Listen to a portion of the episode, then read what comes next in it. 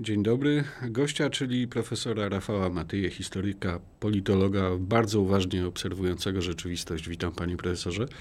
Panią się, dzień dobry. Dzieje się mnóstwo. Na przykład dziś rano okazało się, że PiS nie zamierza już forsować szybkiego uchwalania takiej kontrowersyjnej dość ustawy medialnej e, nazywanej Lex TVN, a z kolei rzecznik rządu oświadczył, że adresatem wyroku Trybunału Sprawiedliwości Unii w sprawie systemu dyscyplinowania sędziów nie jest wcale rząd czy Sejm, ale Sąd Najwyższy, który parę dni wcześniej oświadczył, że to nie on jest adresatem tego e, wyroku.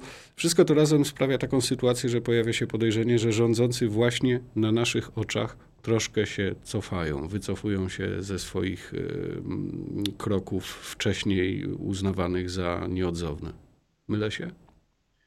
Cofają się, ale to jest w ramach tego, że rząd się kręci, a nie się cofa. To znaczy, to co jest najważniejsze, to PiS bardzo często w swojej technice władzy używa takich e, wrzutek w rodzaju ustawy o TVN, zrobi kilka kroków do przodu, dwa kroki się cofnie, potem znowu ją wrzuci, więc ciągle o tym rozmawiamy. E, to jest kontrola nad tym, po pierwsze, o czym rozmawiamy, a po drugie, no, możliwość przykrywania jednych spraw drugimi, no, jak gdyby e, to nie znaczy, że PiS nie ma złych intencji w obu tych sprawach, natomiast y, no, ma pewną zdolność manewrowania i to sprawia, że jest kontroluje to, o czym rozmawiamy. Odwołując się do innego trochę porównania, można powiedzieć, że to jest polityka wprowadzania i wyprowadzania kozy, która nijak nie wpływa na domostwo, w którym się to dzieje. Ale wpływa na tak zwane deba debatę publiczną, bo ciągle rozmawiamy o kozie. Tak. A tymczasem y, w sprawie ustawy medialnej jeszcze wczoraj rzeczniczka PiSu twierdziła, że to już, zaraz, już niemal natychmiast, jeszcze nawet wczoraj, a może a już z całą pewnością dzisiaj. Czy to znowu Jarosław Gowin powstrzymał PiS przed tym y, wprowadzeniem tym razem kozy? Nie, to, tego nie wiemy i to jest e, tak naprawdę gra, jaką prezes partii prowadzi nawet ze swoim bliskim otoczeniem, bo bardzo często Ziobro, Gowin też nie wiedzą, co następnego dnia poseł Suski czy marszałek Terlecki powiedzą, jaką kozę wprowadzą i jaki to będzie dla nich kłopot. No to jest, mówię, pewien styl gry. E, rzadko go się stosuje. Tak nie wygląda polityka na całym świecie. Raczej politycy chcą poza wyjątkowymi sytuacjami być uważani za obliczalnych. Zwykle tak jest. Za chwilę kontynuacja rozmowy na stronie rmf24.pl i w naszych kanałach społecznościowych. Dziękujemy słuchaczom radia i wracamy do rozmowy. Dziękuję bardzo. Ten wyrok CUE stwierdza uchybienie zobowiązań członkowskich Unii przez Rzeczpospolitą panie profesorze, obaj to wiemy, w stanowionych przepisach i to do rządu na przykład Rzeczpospolitej skierowane jest ultimatum Komisji Europejskiej w sprawie realizacji tego wyroku. E, rzecznik rządu, który mówi, że adresatem jest Sąd Najwyższy, zdaniem pana tego nie rozumie, czy rozumie, ale mm, ucieka od rzeczywistości, zwalając problem na sąd?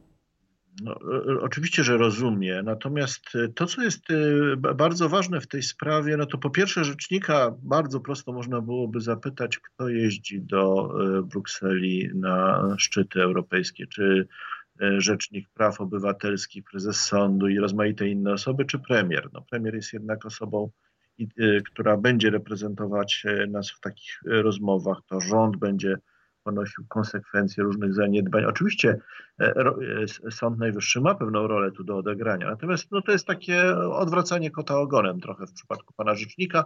Autorem wszystkich zmian e, kwestionowanych przez TSUE, ja autorem e, najważniejszych, no, można powiedzieć, nadużyć w tej sprawie, również pod kątem polskiej konstytucji jest rząd, jakkolwiek to było wprowadzane pod obrady Sejmu. Znając po latach obserwacji mechanizm działania obecnie rządzących, a wykazuje się pan w tej sprawie z potężną biegłością, jakiej reakcji na unijne ultimatum się pan spodziewa? Twardego nie, czy jednak jakichś postępujących zmian prawa, które dostosują Polskę do wymagań Unii?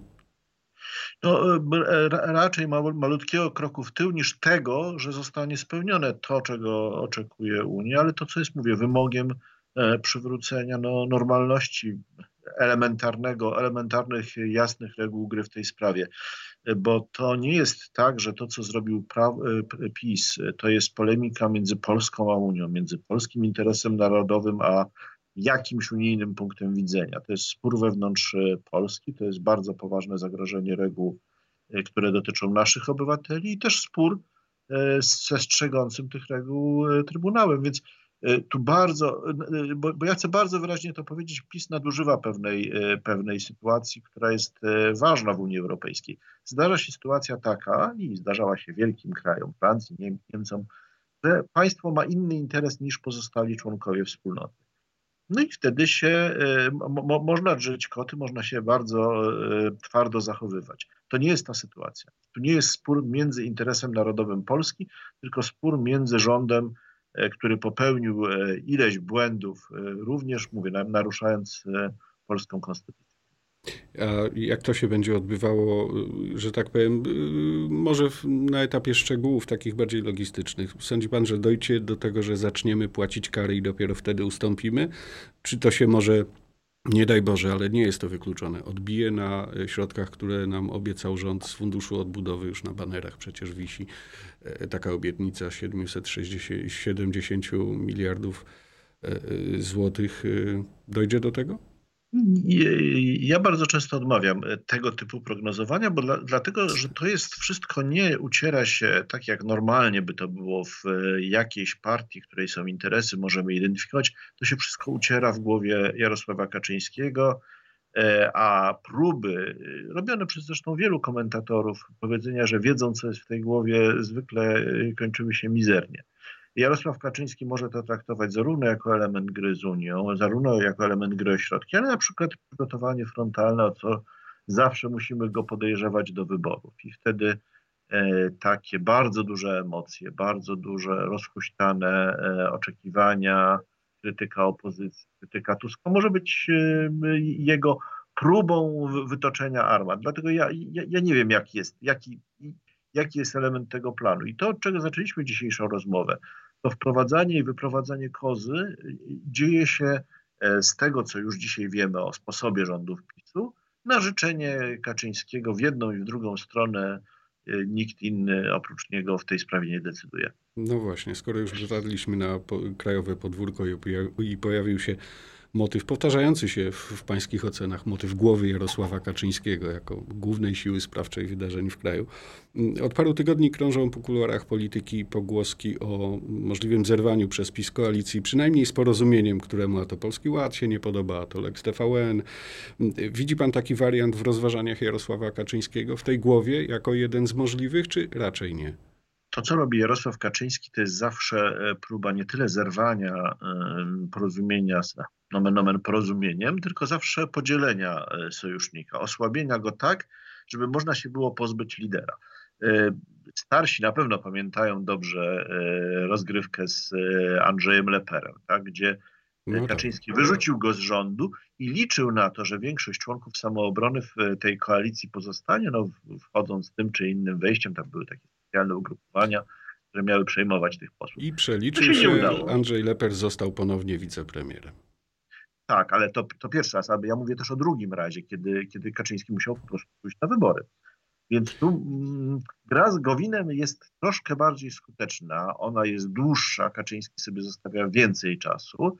No i ten jeden po drugim e, e, e, z członkiem porozumienia powoli tam gdzieś chodzi, nie głosuje z Gowinem i tak dalej, więc to jest takie długotrwałe grillowanie i ja powiedziałbym, że weszliśmy w tym, tym samym, z tym, co robi Kaczyński, już znaną z kilku parlamentów, taką epokę planktonu kuszonego, no, że pojedynczy posłowie będą kuszeni indywidualnymi e, benefitami dla nich, dla rodziny, dla, dla współpracowników i jakoś tam przyciągani do e, prośbą i groźbą z powrotem do koalicji rządzącej. Tu bardzo charakterystyczny jest to e, koła, które może większość nawet nie zauważyła, koła posła Giżyńskiego, które najpierw było trzyosobowe, a potem zostało no jednoosobowe, co oczywiście sprawia, że nie jest no żadne koło. Trwało kilka dni, można było przeoczyć tak, oczywiście. Tak, ale, ale bardzo charakterystyczna była metoda właśnie wyciągania e, prośbą i groźbą e, poszczególnych posłów z powrotem do PiSu.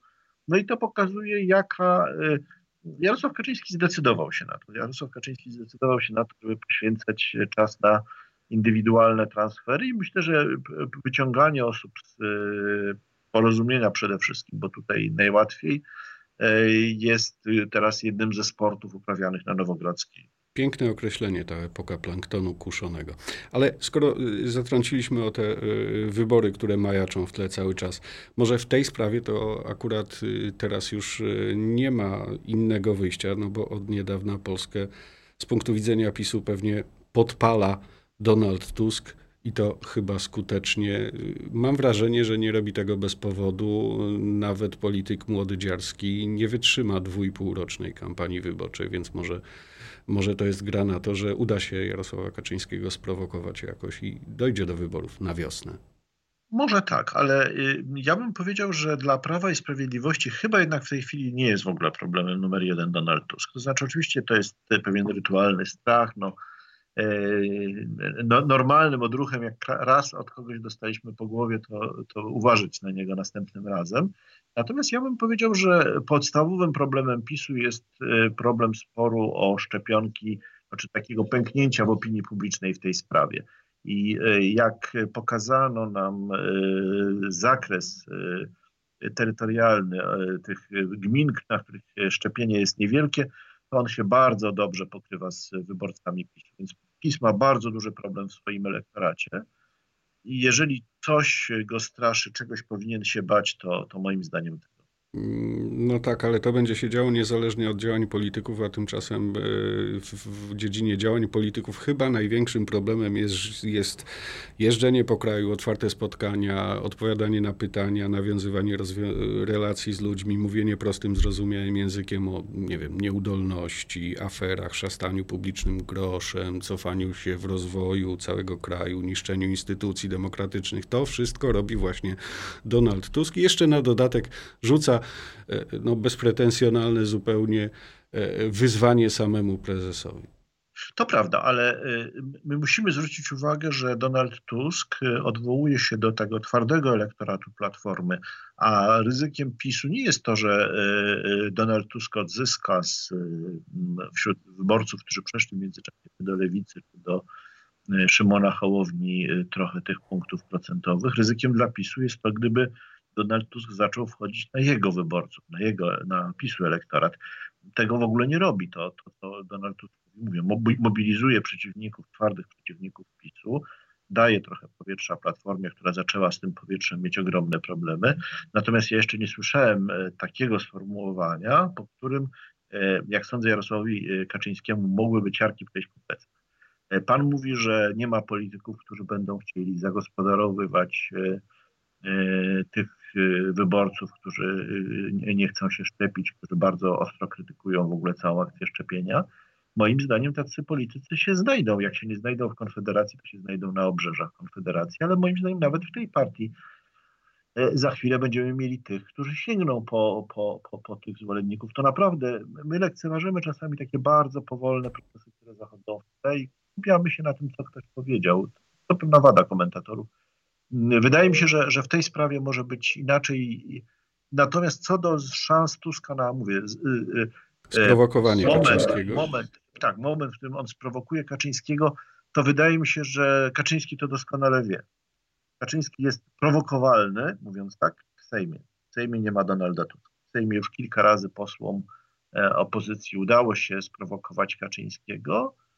Wydaje mi się, że tak e, e, z, z głębokiego fotela na Nowogrodzkiej czy w Alejach Ujazdowskich raczej to, to będzie dość trudne. To znaczy nie wydaje mi się, że Kaczyński nie rozumiał, na, na co nastawia się.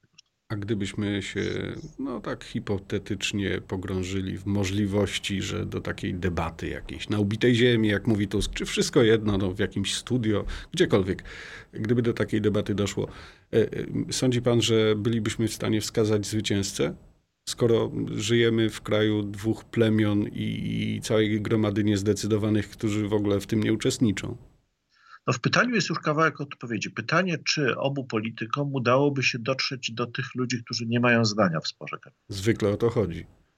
Zwykle o to chodzi. No to poza y, tymi, którzy, którzy mówią, że mają dość jednego i drugiego łącznie, takich niezdecydowanych jest bardzo niewielu. Być może to mogłoby dotyczyć jakiejś grupy młodych, y, młodych y, wyborców, którzy tego jeszcze nie widzieli. Ale ja nie sądzę, znaczy słuchając dzisiaj bym powiedział, że jest duża szansa, że obu politykom uda się raczej zniechęcić do siebie w wypadku takiej debaty ludzi, niż pozyskać, bo ta gra już dawno nie toczy się o to w takim normalnym polu właśnie jednej opinii publicznej, jednego plemienia, które ma sobie wybrać wodza. Ma pan absolutną rację, to jest gra w obrębie dwóch plemion. To nie jest bez znaczenia. To znaczy, to ja jeszcze raz chcę powiedzieć, bo to nie jest tak, że Donald Tusk robi rzeczy niepotrzebne. On mobilizuje zupełnie zdemobilizowane własne szyki. Tak? To, co się stało z Platformą przez kilka ostatnich lat, no, sprawiło, że, że, że, można było mieć wątpliwości. No na przykład, przecież jak obserwowaliśmy rok temu e, starania pani marszałek Kidawy Błońskiej, która miała bardzo niski e, poparcie sondażowe i gdyby, gdyby wybory były możliwe w maju, to pewnie skończyłyby się zupełnie inaczej. E, obserwowaliśmy to, że Trzaskowski w zasadzie wie, że musi zbudować coś własnego, nowego, bo na Platformie może będzie za, Platforma będzie za słaba, żeby dać dobry wynik E, wyborczy w wyborach sejmowych. A tu to jeszcze czyha na nich Hołownia. To samo Tusk widział, więc e, wydaje się, że przyszedł e, przede wszystkim ratować Platformę. Ja naprawdę nie widzę działań, które by pokazały, że Tusk przyszedł zwyciężyć, pokonać. To by wymagało zupełnie innej strategii. Na przykład nie, nie zaczynania od bardzo ostrej krytyki tak zwanych symetrystów, no czyli ludzi, którzy z faktu, że nie lubią PiSu, nie, nie, nie, nie oznacza, że, że od razu lubią i kochają Platformę. Więc to o tych ludzi po, powinien walczyć Donald Tusk, a nie ich krytykować i e, całe jego otoczenie w tym samym kierunku. Nie, Skoro nie efektem takiej e, hipotetycznej, bo zapewne do niej nie dojdzie, e, debaty, starcia na ubitej ziemi, byłoby raczej zniechęcenie e, e niezdecydowanych do jednego i drugiego uczestnika tej debaty, to znaczy, że taka debata byłaby w gruncie rzeczy chyba pomyśli e, Szymona Hołowni, Lewicy, E, I, i rzucając to wyzwanie, Tusk tak naprawdę działa w ich interesie. Tak, tylko oni musieliby mieć też swój garnuszek, do którego mogą zbierać tych y, niezdecydowanych. To nie jest. Jest jeszcze jedna y, gra, która jest bardzo powszechna w polityce, w której nie chodzi tyle o, mobi- o pozyskiwanie nowych, co demobilizowanie zwolenników. I tu y, to, co widzimy, ten spadek notowań PiSu, E, nie polega na tym, że e, ludzie, którzy głosowali w 2019 na partię Kaczyńskiego, dzisiaj zastanawiają się, czy nie poprzeć marszałka Czarzastego, e, tylko oni po prostu mówią, chyba nie pójdziemy do wyborów. Moim zdaniem to jest jedna z bardzo ważnych stawek w następnych wyborach, to znaczy zniechęcenie, e, przede wszystkim e, zniechęcenie elektoratu no, przeciw, głównego przeciwnika do pójścia do wyborów. E, ostatnie wybory, jak widzieliśmy, to są rosnące ciągle rekordy frekwencji. To nie będzie tak, że to rośnie w nieskończoność, będziemy mieli 95 za chwilę procent. Moim zdaniem to, co się stało w tym roku pandemii, ponad już roku pandemii, te konflikty właśnie wokół szczepionek, ale też na przykład ustawa, ta piątka dla zwierząt, zniechęciła część elektoratu Prawa i Sprawiedliwości do tej formacji. Natomiast nie sądzę, że, że to oznacza od razu, że, że zwycięzcą tu będzie czy Czarzasty, czy Hołownia, czy Kosiniak. To nie jest takie. Dziękuję bardzo. Wygląda na to, że oni po prostu nie pójdą do wyborów, jeśli już. Bardzo możliwe. Dziękuję bardzo. E, profesor Rafał Matyja, historyk, politolog, był gościem rozmowy w samo południe. Dziękuję za rozmowę, panie profesorze. Dziękuję bardzo, do widzenia. Do widzenia.